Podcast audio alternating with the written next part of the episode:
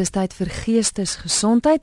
Vanaand is my gas Dr. Johan Ferreira en hy is hier by my in die ateljee. Baie dankie Johan dat jy ingekom het. Dankie Christa. Hm. Ons gesels oor die effek van egskeiding op kinders. Johan, het dit 'n effek op kinders?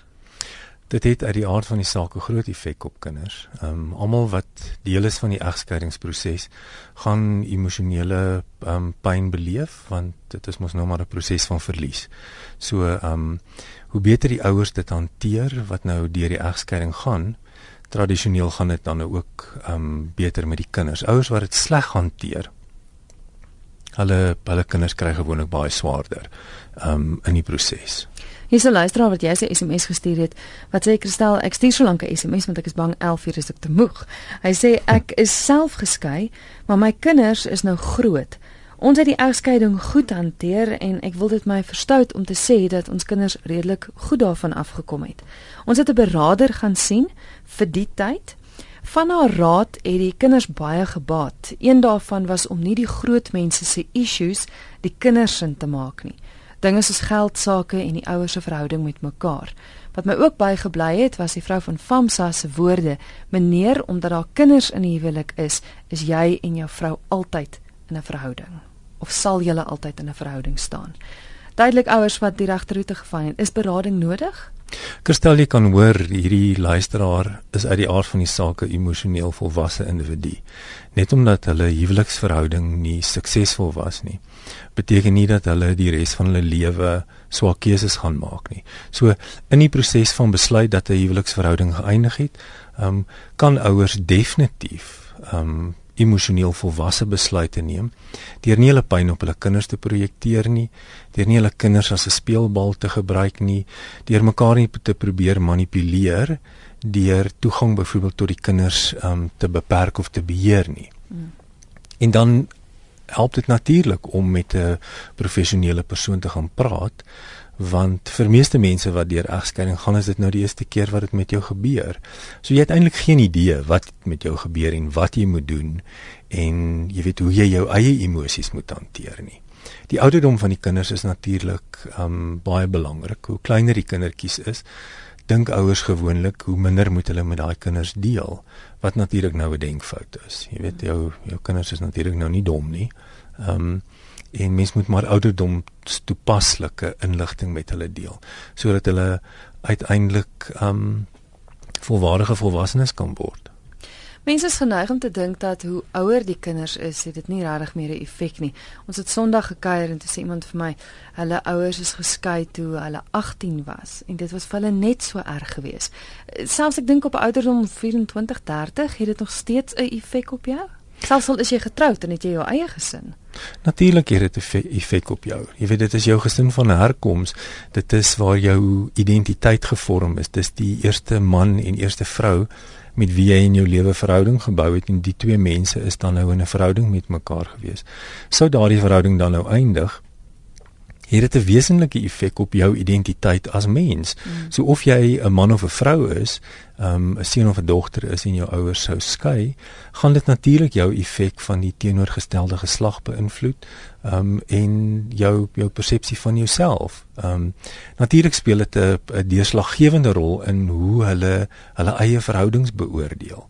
Um die verwagting wat hulle het. Um is die huwelik iets wat vir ewig moet hou?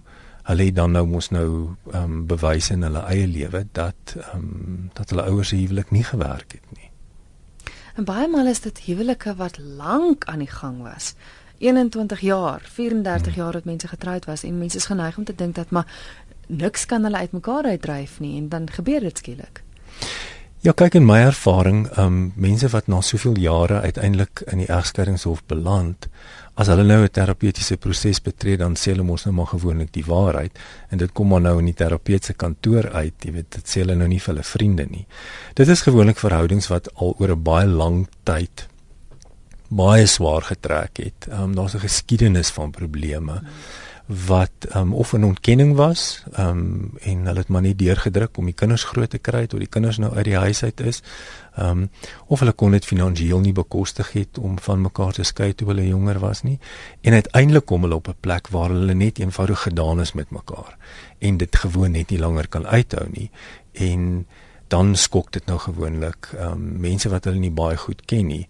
Maar mense wat in die binnekring geleef het, sal maar gewoonlik vir jou sê daar was maar daar was maar tekens geweest dat dat hulle swaar getrek het. Dit is interessant dat jy dit nou sê want mense hoor dit verskriklik gereeld dat mense sê ons wag net tot die kinders klaar is met skool. Ja, ek kan ek kan elke haar uit my kop uittrek as iemand vir my daai daai lyn in 'n terapeutiese gesprek sê want ehm um, wat op die aarde dink daardie ouers doen hulle dan nou terwyl hulle in die konfliksituasie saam met hulle kinders leef.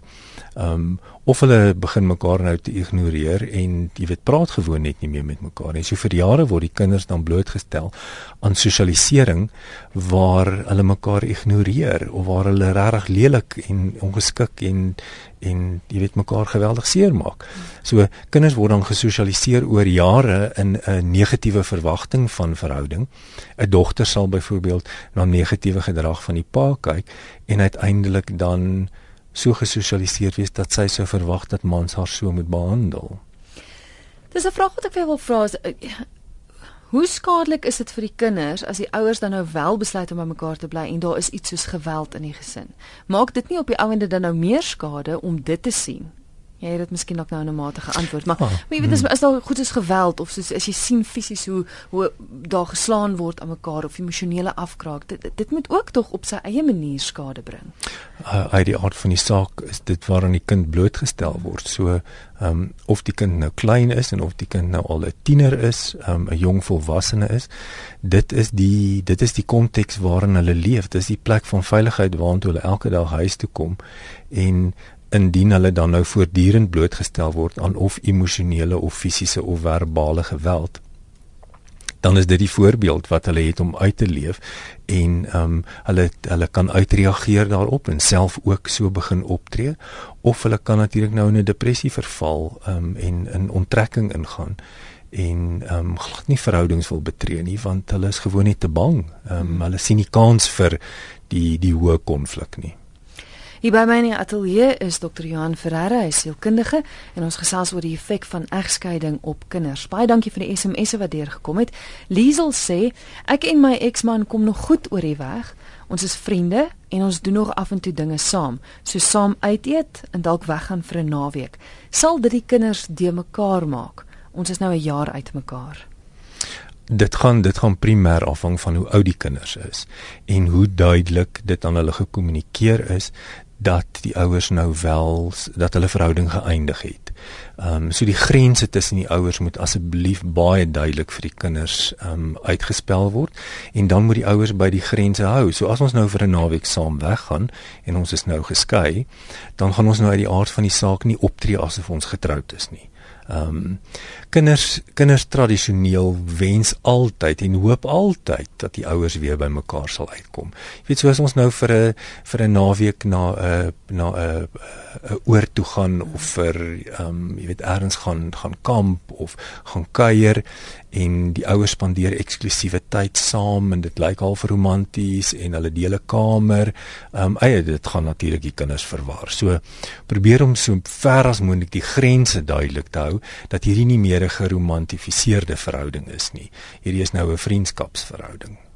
Want uit die aard van die saak gaan dit die beste wees dat mens wel kan vriende bly. Is is, is dit 'n belang die, van die kinders? Dis die ideaal, dit is die ideaal. Dit is vir meeste mense natuurlik nou nie 'n moontlikheid nie. Jy weet mense skei vir 'n rede. En die rede is gewoonlik dat hulle gewoon mekaar nie langer kan verduur of verdra nie. So ehm um, Ehm um, statisties is daar is daar 'n klein persentasie van mense wat na die egskeiding werklik goeie en funksionele verhoudings met mekaar kan hê. So as as mens nou van die gelukkige individue is wat dit volwasse genoeg kan hanteer, dan dan is die grense van die verhouding ongelooflik belangrik sodat die kinders nie verwar word deur die vriendelike atmosfeer wat daar heers nie. Anoniem van Moreesburg sê kan 'n mens 'n verhouding met 'n geskeide man wat kinders het aanknoop? Natuurlik kan jy. Ehm um, daar's geen rede dat jy nie kan nie. Ehm um, jy moet net die individu behoorlik evalueer. Ehm um, spandeer nou maar 'n bietjie tyd om te sien, jy weet leer die mens ken en kyk wat gaan die dinamika wees in terme van van jou verhouding met hom en dan natuurlik jou verhouding met hom en sy kinders. Mm. Jy weet 'n hersaamgestelde gesin of die potensiaal vir 'n hersaamgestelde gesin is altyd 'n baie komplekse situasie wat wat definitief nie nie vinnig moet gebeur nie. 'n Mens moet maar kans gee. Dit hang ook af hoe oud die kinders is. As die kindertjies kleiner is, is dit gewoonlik minder kompleks, maar as die kinders nou tieners is, dan kan daar uit die aard van die saak nou um, verhoudingsjaloesie by betrokke wees en hoeveelheid tyd wat ons saam spandeer veroorsaak gewoonlik krisis. Hier's 'n luisteraar wat sê ek het gedink my gestremde seun kon nie eens 'n geluidjie maak nie. Maar na die egskeiding het ek gelukkige geluide uit die kamer gehoor. Ek gaan kyk om te sien dis my seun wie lê en baba geluidjies maak. Hy lê en gesels. En toe besef ek eers dat dit was vir hom net so traumaties uit die aard van die saak, jy weet 'n uh, um, uh, uh, gestremde individu wat dalk intellektueel gestremd is, um beleef uit die aard van die saak emosies. Um en hulle voel die emosies aan deur aanvoeling. Hulle kan miskien nie die woorde dekodeer van iemand wat beklei nie, maar hulle kan definitief die energie daarvan aanvoel. Soos daai negatiewe energie, die negatiewe geluide dan vir so 'n kind sou ophou, uit die aard van die saak gaan hulle dan gelukkiger wees. Sandra sê: "Werk mense nog aan huwelike of het skei die maklike oplossing geword?" Maar ek het vandag met 'n vrou in my spreekkamer gepraat en ek het gesê ek gaan haar aanhaal want sy het gesê ten tensy jou lewe met die dood bedreig word, moet jy aanhou werk aan die huwelik want sy het nou ongelukkig nou nie hard genoeg gewerk aan haar huwelik nie en nou is sy spyt. Ehm um, so daar's 'n daar's 'n verskeidenheid van opinies. Sommige mense werk regtig hard aan hulle huwelike. Dit is so tradisioneel, uh, jy weet as ons na die na die ehm um, statistiek kyk, dan halfte van al die huwelike wat voltrek word eindig nou mos maar in die in die skei of dan. So ehm um, ons kan hom seker ons kan hom seker bereken dat ten minste halfte doen hom seker nog moeite met die verhouding. Ek het gevind baie mense met wie ek nou al gepraat het wat wel skei, het gesê dat hulle die dag toe hulle trou geweet hulle moes nie trou nie. Dink jy dat om bietjie mooier te dink voor jy trou gaan kan veroorsaak dat daar minder egskeidings is? Definitief. Ehm um, kyk die mense wat nou, jy weet, uiteindelik in my kantoor opeindig het nou uit die aard van die saak verhoudingsprobleme. So dis een van my standaard inname vrae is om te vra maar wanneer het die spesifieke probleem begin? En dan is dit vir my altyd ongelooflik ontstellend om te hoor dat meeste mense sal sê maar hulle het dit geweet voor die tyd en hulle het Hulle het gehoop dat dit sou verander. Ehm um, ek het gehoop dat die persoon sou verander. Dit is interessant dat hulle min hoop dat hulle self sou verander. Dis maar gewoonlik dat die ander enetjie sal verander. Natuurlik. Ja, so daar's daar's ehm um, met baie mense met verhoudingsprobleme is dit ehm um, is dit die is dit die verwagting gewees. En dan is daar natuurlik dies wat sê maar die dag wat hulle getrou het, het hulle eintlik geweet hulle moes nie met daardie individu getrou het nie. Ja. Hier's nog 'n luisteraar wat 'n SMS gestuur het. Terloops, jy kan jou SMS stuur na 3343. Dis 3343. Dit gaan jou R1.50 kos. Jy kan ook 'n e-pos stuur via ons webwerf rsg.co.za of jy kan skakel ateljee toe om sommer self vir Johan 'n vraag te vra 089 1104553 is Dr. Johan Ferreira, hy is 'n sielkundige en ons gesels oor die effek van egskeiding op kinders. Wat lyk my daar is 'n oproep wat deurkom. So kom ons vat hom sommer gou-gou voor ek die SMS lees. Gee goeienaand. Uh goeienaand, dis nou liewe Dakles. Ja. Ek het ook 'n soortgelyke probleem, ek is ook besig om te skei en die probleem is ek het 'n kind wat 4 jaar oud is. Nou wil ek net weet as dit nou die gepaste tyd om haar te sê hoekom die rede hoekom ek skei of moet nog 'n paar 2 of 3 jaar wag om haar te sê dis al wat ek wil weet. Goed, kon jy duidelik hoor Johan? Ja. Gaan jy um, luister by die radio vir ons? Asai. Goed, Johan. Kyk, dit is ongelooflik belangrik om die ontwikkelingsfase van die kind in ag te neem. Jy weet 'n kind wat wat ek ek het gehoor hy het gesê die kind 4 ek het 6 gehoor maar 6 maak maar klein. Ek mag verkeerd ja, wees. Ehm um, uit die aard van die saak gaan ons nie die volledige detail met 'n 4 of 'n 6 jarige bespreek nie. Um ons moet verkieslik saam die gesprek hê as die man en die vrou saam die gesprek met die kinders kan hê om te sê wat die rede is. Um jy weet dat hulle gaan skei, maar dat ons dit ouderdoms toepaslik gaan hou. Um ons moet so ver as moontlik um by die waarheid hou, maar sonder om in detail in te gaan wat die kind of nie gaan verstaan nie of wat die kind gaan seermaak of die kind gaan verplig om jy weet ehm um, blame te allokeer aan een van die ouers. Dit sal nie 'n goeie idee wees nie. So om te sê pappa en mamma het nou by 'n plek gekom waar ons verhouding gaan eindig. Ehm um, ons gaan nie meer by mekaar wees nie, maar ons gaan altyd in 'n verhouding met jou wees. Die kind te verseker dat ons liefde vir jou het nie verander nie. Uh, maar ons gevoelens vir mekaar het verander en daar is spesifieke redes daarvoor. Van daardie redes gaan ons nou nie vir jou sê nie. Um, ons kan later daaroor gesels as jy dalk ouer is, maar um, om nie vir die kind hoop te gee nie dat um, dat dit sal beter word nie, maar om nie ontoepaslike detail te deel nie, definitief nie. Dit is baie belangrik daar wat jy sê van mamma en pappa se verhouding is nie meer wat dit was nie, maar ons verhouding met jou. Want dis tog eintlik al wat die kind wil weet. Hy aard van die saak dat mamma en pappa nog by mekaar sou wees, maar dat my verhouding met my ma en my pa nie gaan verander nie. Ja, kyk, meeste kinders wat van daai ouderdom leef, totaal in die hier en die nou. So jy weet hulle hulle gevoelens is gerig op hulle self. Hulle wil hulle sal wil weet maar hoe gaan dit my lewe raak? Mm, mm. Weet waar gaan ek bly? Ehm um, wanneer gaan ek jou sien? Ehm um, en dan sodra dit in hulle in hulle gemoed rustig geraak het, dan sal hulle begin wonder oor die ouer wat nou nie meer by hulle gaan woon nie, maar waar gaan pappa bly of waar gaan mamma bly?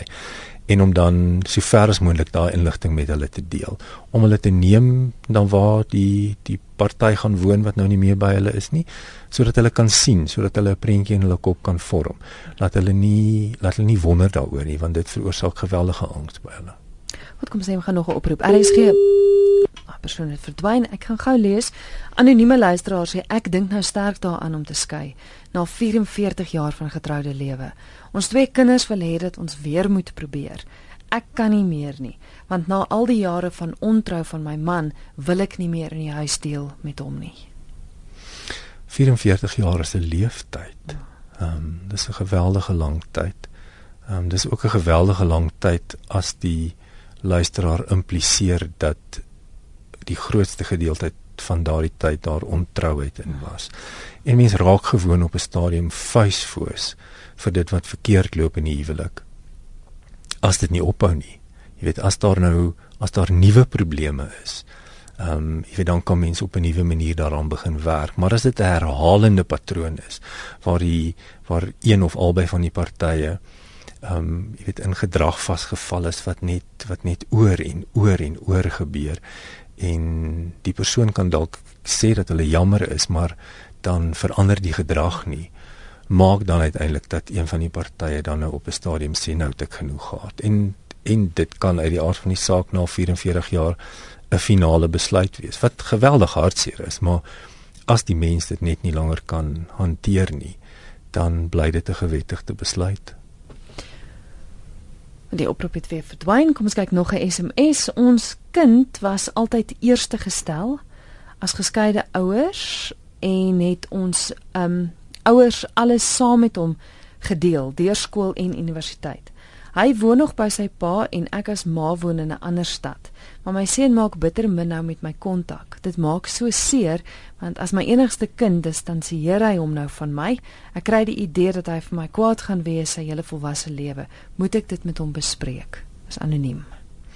Kommunikasie is uit die aard van die saak belangrik. Neem asseblief nou net in jou kind se ehm um, se ouderdom in ag. Ehm um, kinders wat klaarmaak met skool, universiteit toe gaan, jong volwassenheid betree. Ehm um, hulle beweeg almal van ons al weg. Hulle kommunikeer baie minder met met hulle ouers al het hulle baie positiewe verhoudings met hulle ouers.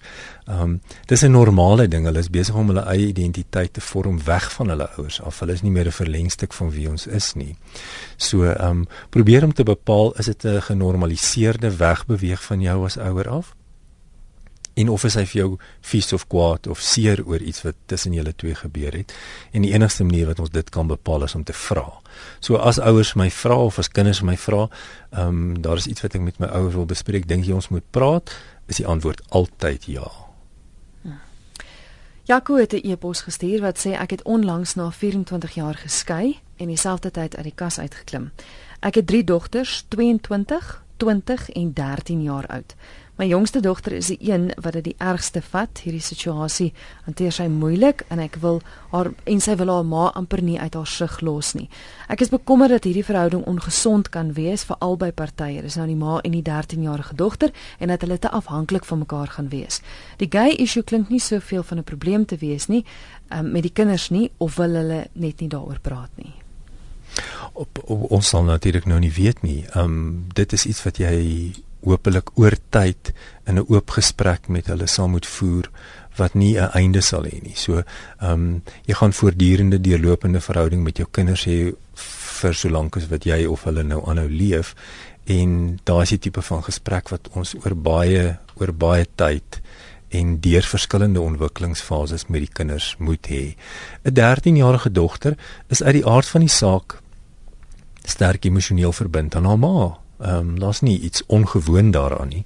Ehm um, sy moet nie net aan die ma verbind wees nie. Mm. Ehm um, as die as die ehm um, gebeure in die gesin nou onlangs gebeur het, dan gaan ons hulle tog nou maar genoeg tyd moet gee. Ons moet maar genade hê vir aanpassingstyd en en ook verstaan dat die die huweliksmaat, sy vrou ehm um, jy weet op 'n verskeidenheid van vlakke nou seer gekry het en moontlik verwerping beleef. Ehm um, en ons moet maar net seker maak dat die kommunikasie so ver as moontlik oop is. Ehm um, en jy weet in gesprek bly met die met die kinders en ehm um, toelaat dat die 30 13 jarige ehm um, genoeg tyd het om deur die krisis te werk. En miskien verstaan sy nie heeltemal hoe die toekoms gaan lyk nie. Dis vir haar nie heeltemal bekend nie. Sy ehm um, sy voel dalk onseker sy vind nou haar sekerheid by haar ma. So my raad sou wees is om om die verhouding met die dogter um in stand te hou, um maar om geduldig te wees. Kyk, elkeen verwerk tog maar trauma en krisisse op hulle eie manier. Ek meen as jy 'n lewensmaat verloor of so 'n party treur vir 7 maande en ander vir 7 jaar, dit dit hang mos maar af van die individu. Ja, dit word gedryf deur persoonlikheidstyl en deur temperament. So um dit um jy weet ons as as iemand byvoorbeeld 'n sterk introwert is, dan gaan hulle die die verliesproses baie anders en baie meer geïndividualiseerd hanteer as iemand wat 'n ekstrowert is. Mm. Ekstrowerte praat oor goed en hulle gesels daaroor en hulle kry hulle emosies uit en hulle verwerk dit en almal weet eintlik hoe dit met hulle gaan. Waar die introwert het baie meer tyd nodig om dit te prosesseer op 'n intrasegiese vlak. En daar is gewoonlik die kinders en die lewensmaat oor wie mense baie meer bekommerd is want hulle weet nie of die proses verwerk word hmm. nie. Ehm um, maar weer eens om genoeg tyd te gee en dan om die kommunikasie oop te hou en dan van tyd tot tyd te vra. Ehm um, hoe gaan dit met jou? Het jy behoefte om met my te praat? Het jy behoefte om met iemand anders te praat? Hmm. RSG goeienaand. RSG goeienaand. Hallo, goeienaand. Hallo, kan jy jou radio afsit ah. asseblief? Sekerlik. Sekerlik. Ek wil gaan anoniem bly. Seker. Ek is 'n sielig wil wat getroud is met 'n vrou, 18 jaar. Ah, uh, ek het vier vier kinders in die vorige verhoudings met vroumense. Ah, uh, die babatjie wat ek het is nog 17 jaar oud, dus hy is nou op die oomblik as die diamantrik. Die vrou as my vorige kinders inbel. Die vrou abuse my. Die kinders maak nie bel nie. Nou op die kantoor al wat wat nou maar triggers vraag wat saam met te doen. Ek wil graag ontslagen van die vrou. Zodra die kinders bel. Abuse die vrou my. Sy is bang ek is weer in 'n verhouding met die vorige vrou mense. Sy is my derde vrou. Wat saam met te doen? Die kind soort my op via om sy ma te los. Goed. Ek is raad op gee my raad. Anoniem gaan jy vir my by die radio luister. Dankie. Dankie hoor. Kyk dit is sodat ehm um, kinders word geïdentifiseer met 'n vorige verhouding. As ons nou kinders uit 'n vorige verhouding uit het mm. en ons betree 'n volgende verhouding, dan sal die nuwe lewensmaat 'n um, gevoel van bedreiging beleef. Ehm um, want dit word geassosieer met 'n vorige seisoen in jou lewe. Ehm um, dit is dis uit die aard van die saak baie moeilik dat die dat die huidige lewensmaat toegang tot die pa ehm um, nie goedkeur dat die dat die kinders met die pa praat nie.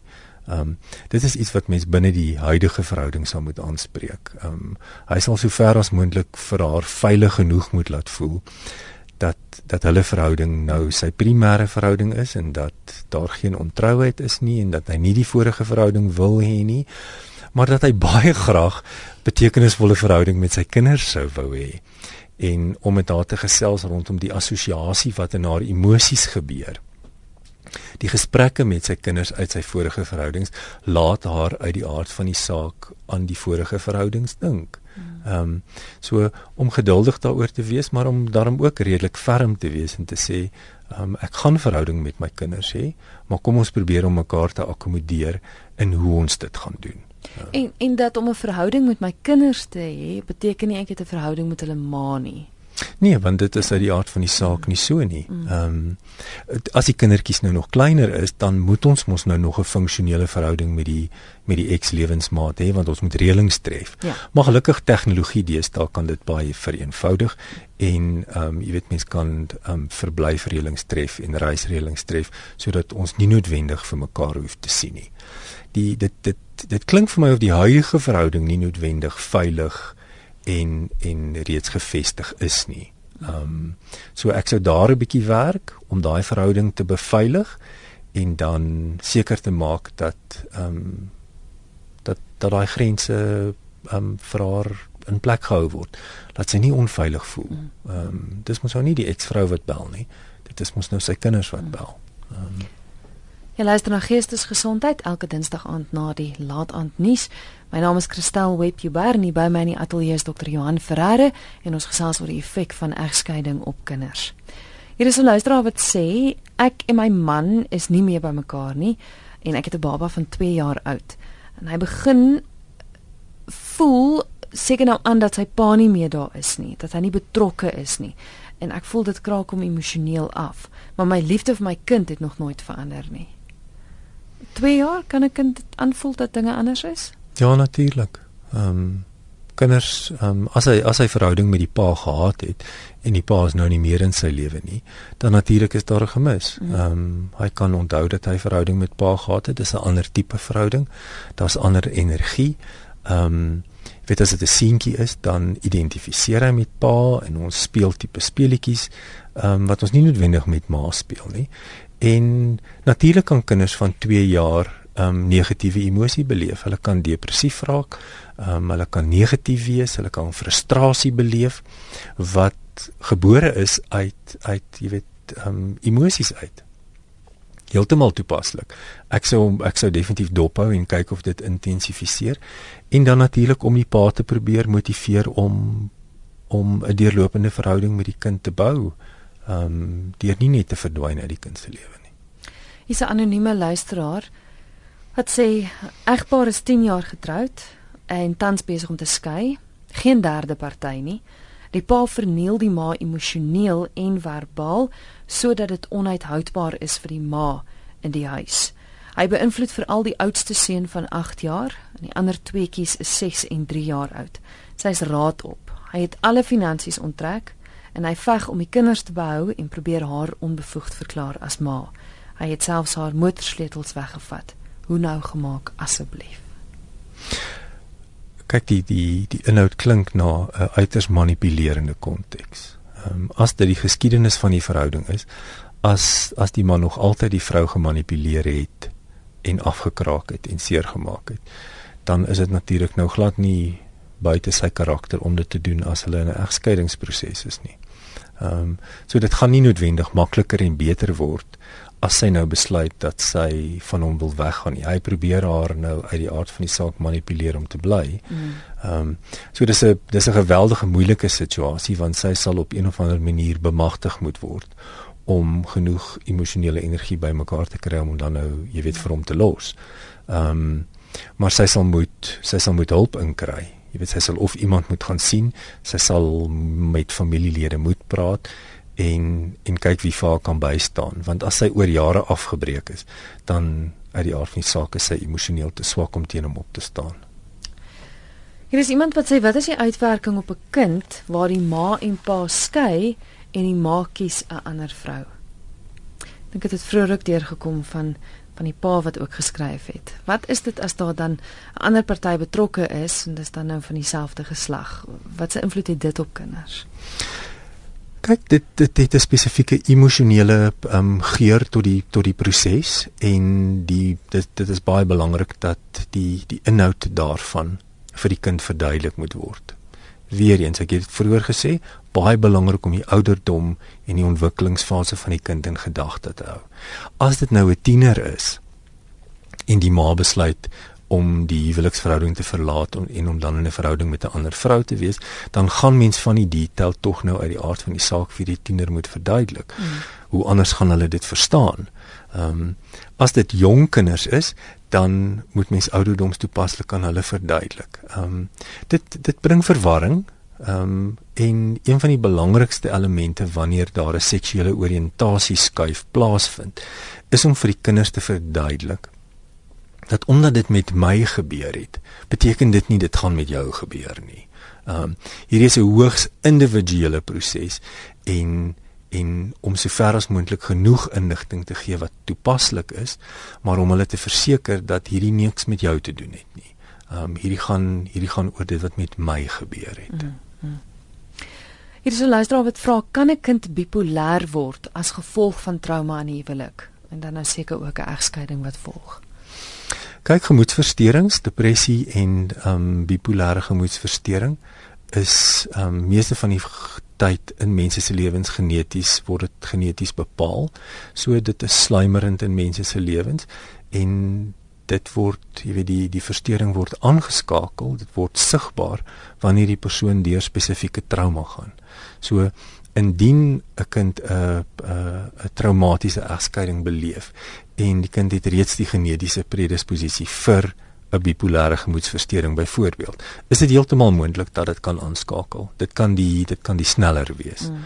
wat ehm um, wat die simptome dan nou sigbaar maak ek het 'n uh eh, SMS gekry van 'n luisteraar van Pretoria wat sê ons egskeiding het 'n geweldige effek op ons kinders.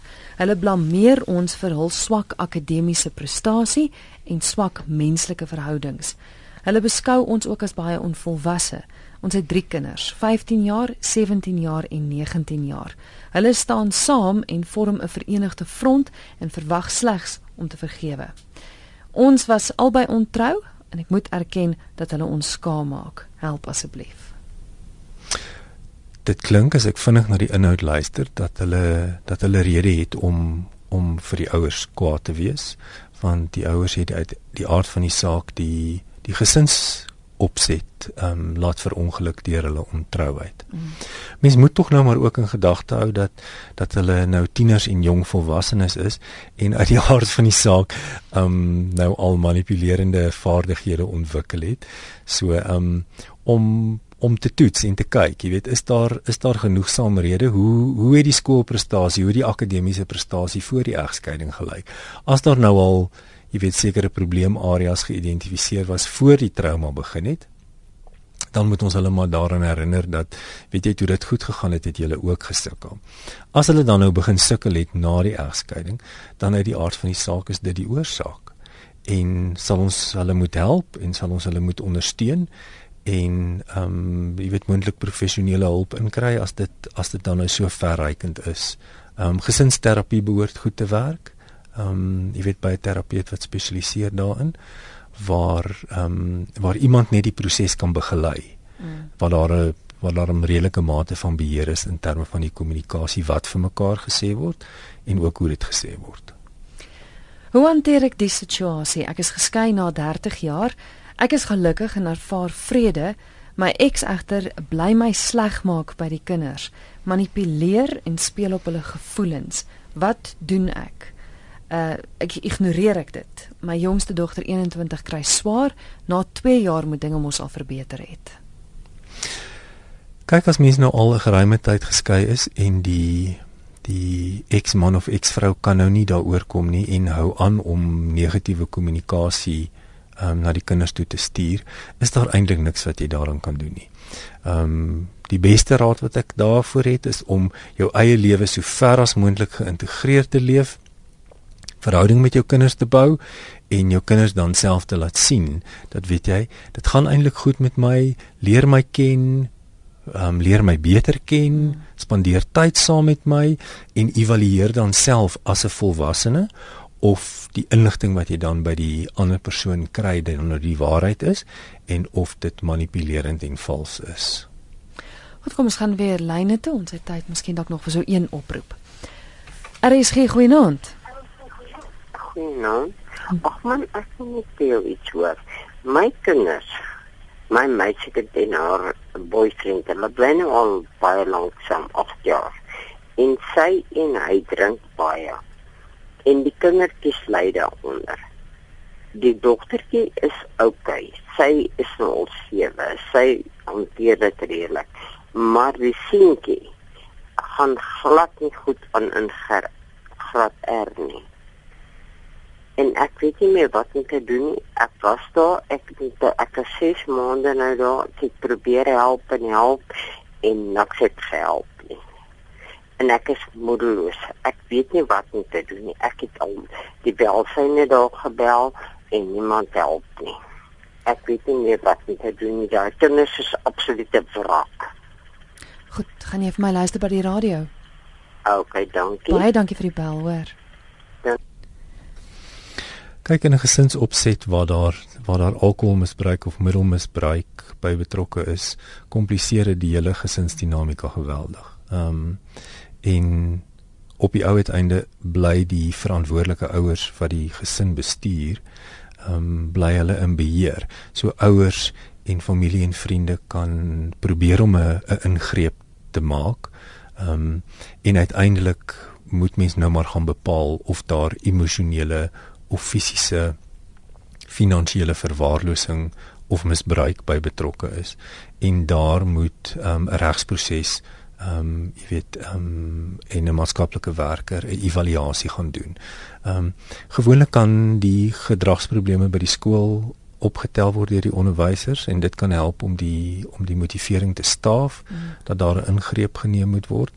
Ehm um, dis natuurlik geweldig frustrerend want baie van hierdie ouers is nie totaal disfunksioneel nie.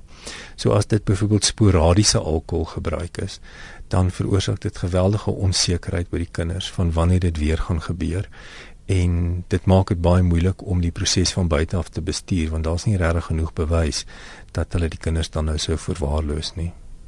Ja. Johan baie dankie vir die gesels. Dis Dr. Johan Ferreira. Hy is sielkundige en ons het gesels oor die effek van egskeiding op kinders. Die program sal môre beskikbaar wees as potgooi, so as jy dalk laat ingeskakel het of miskien dalk wil hê iemand wat jy ken moet luister hierna. Dit sal beskikbaar wees op rsg.co.za as potgooi môreoggend so van 9uur se kant af. Johan, het jy kontak besonderhede as luisteraars verder met jou sou wou gesels of dalk 'n SMS of e-pos sou wou stuur? Mag hulle so maak? Hulle kan gerus Ehm um, veiligste en maklikste is maar 'n e-pos Johan F by mosaik.com.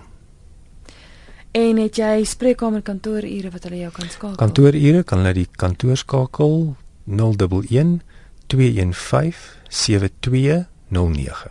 Daar's ook 'n webwerf waarop hulle ook 'n draai kan gaan maak. www.drjohanferreira.com. Dis reg. Baie baie dankie vir die kuier. Dankie Christel.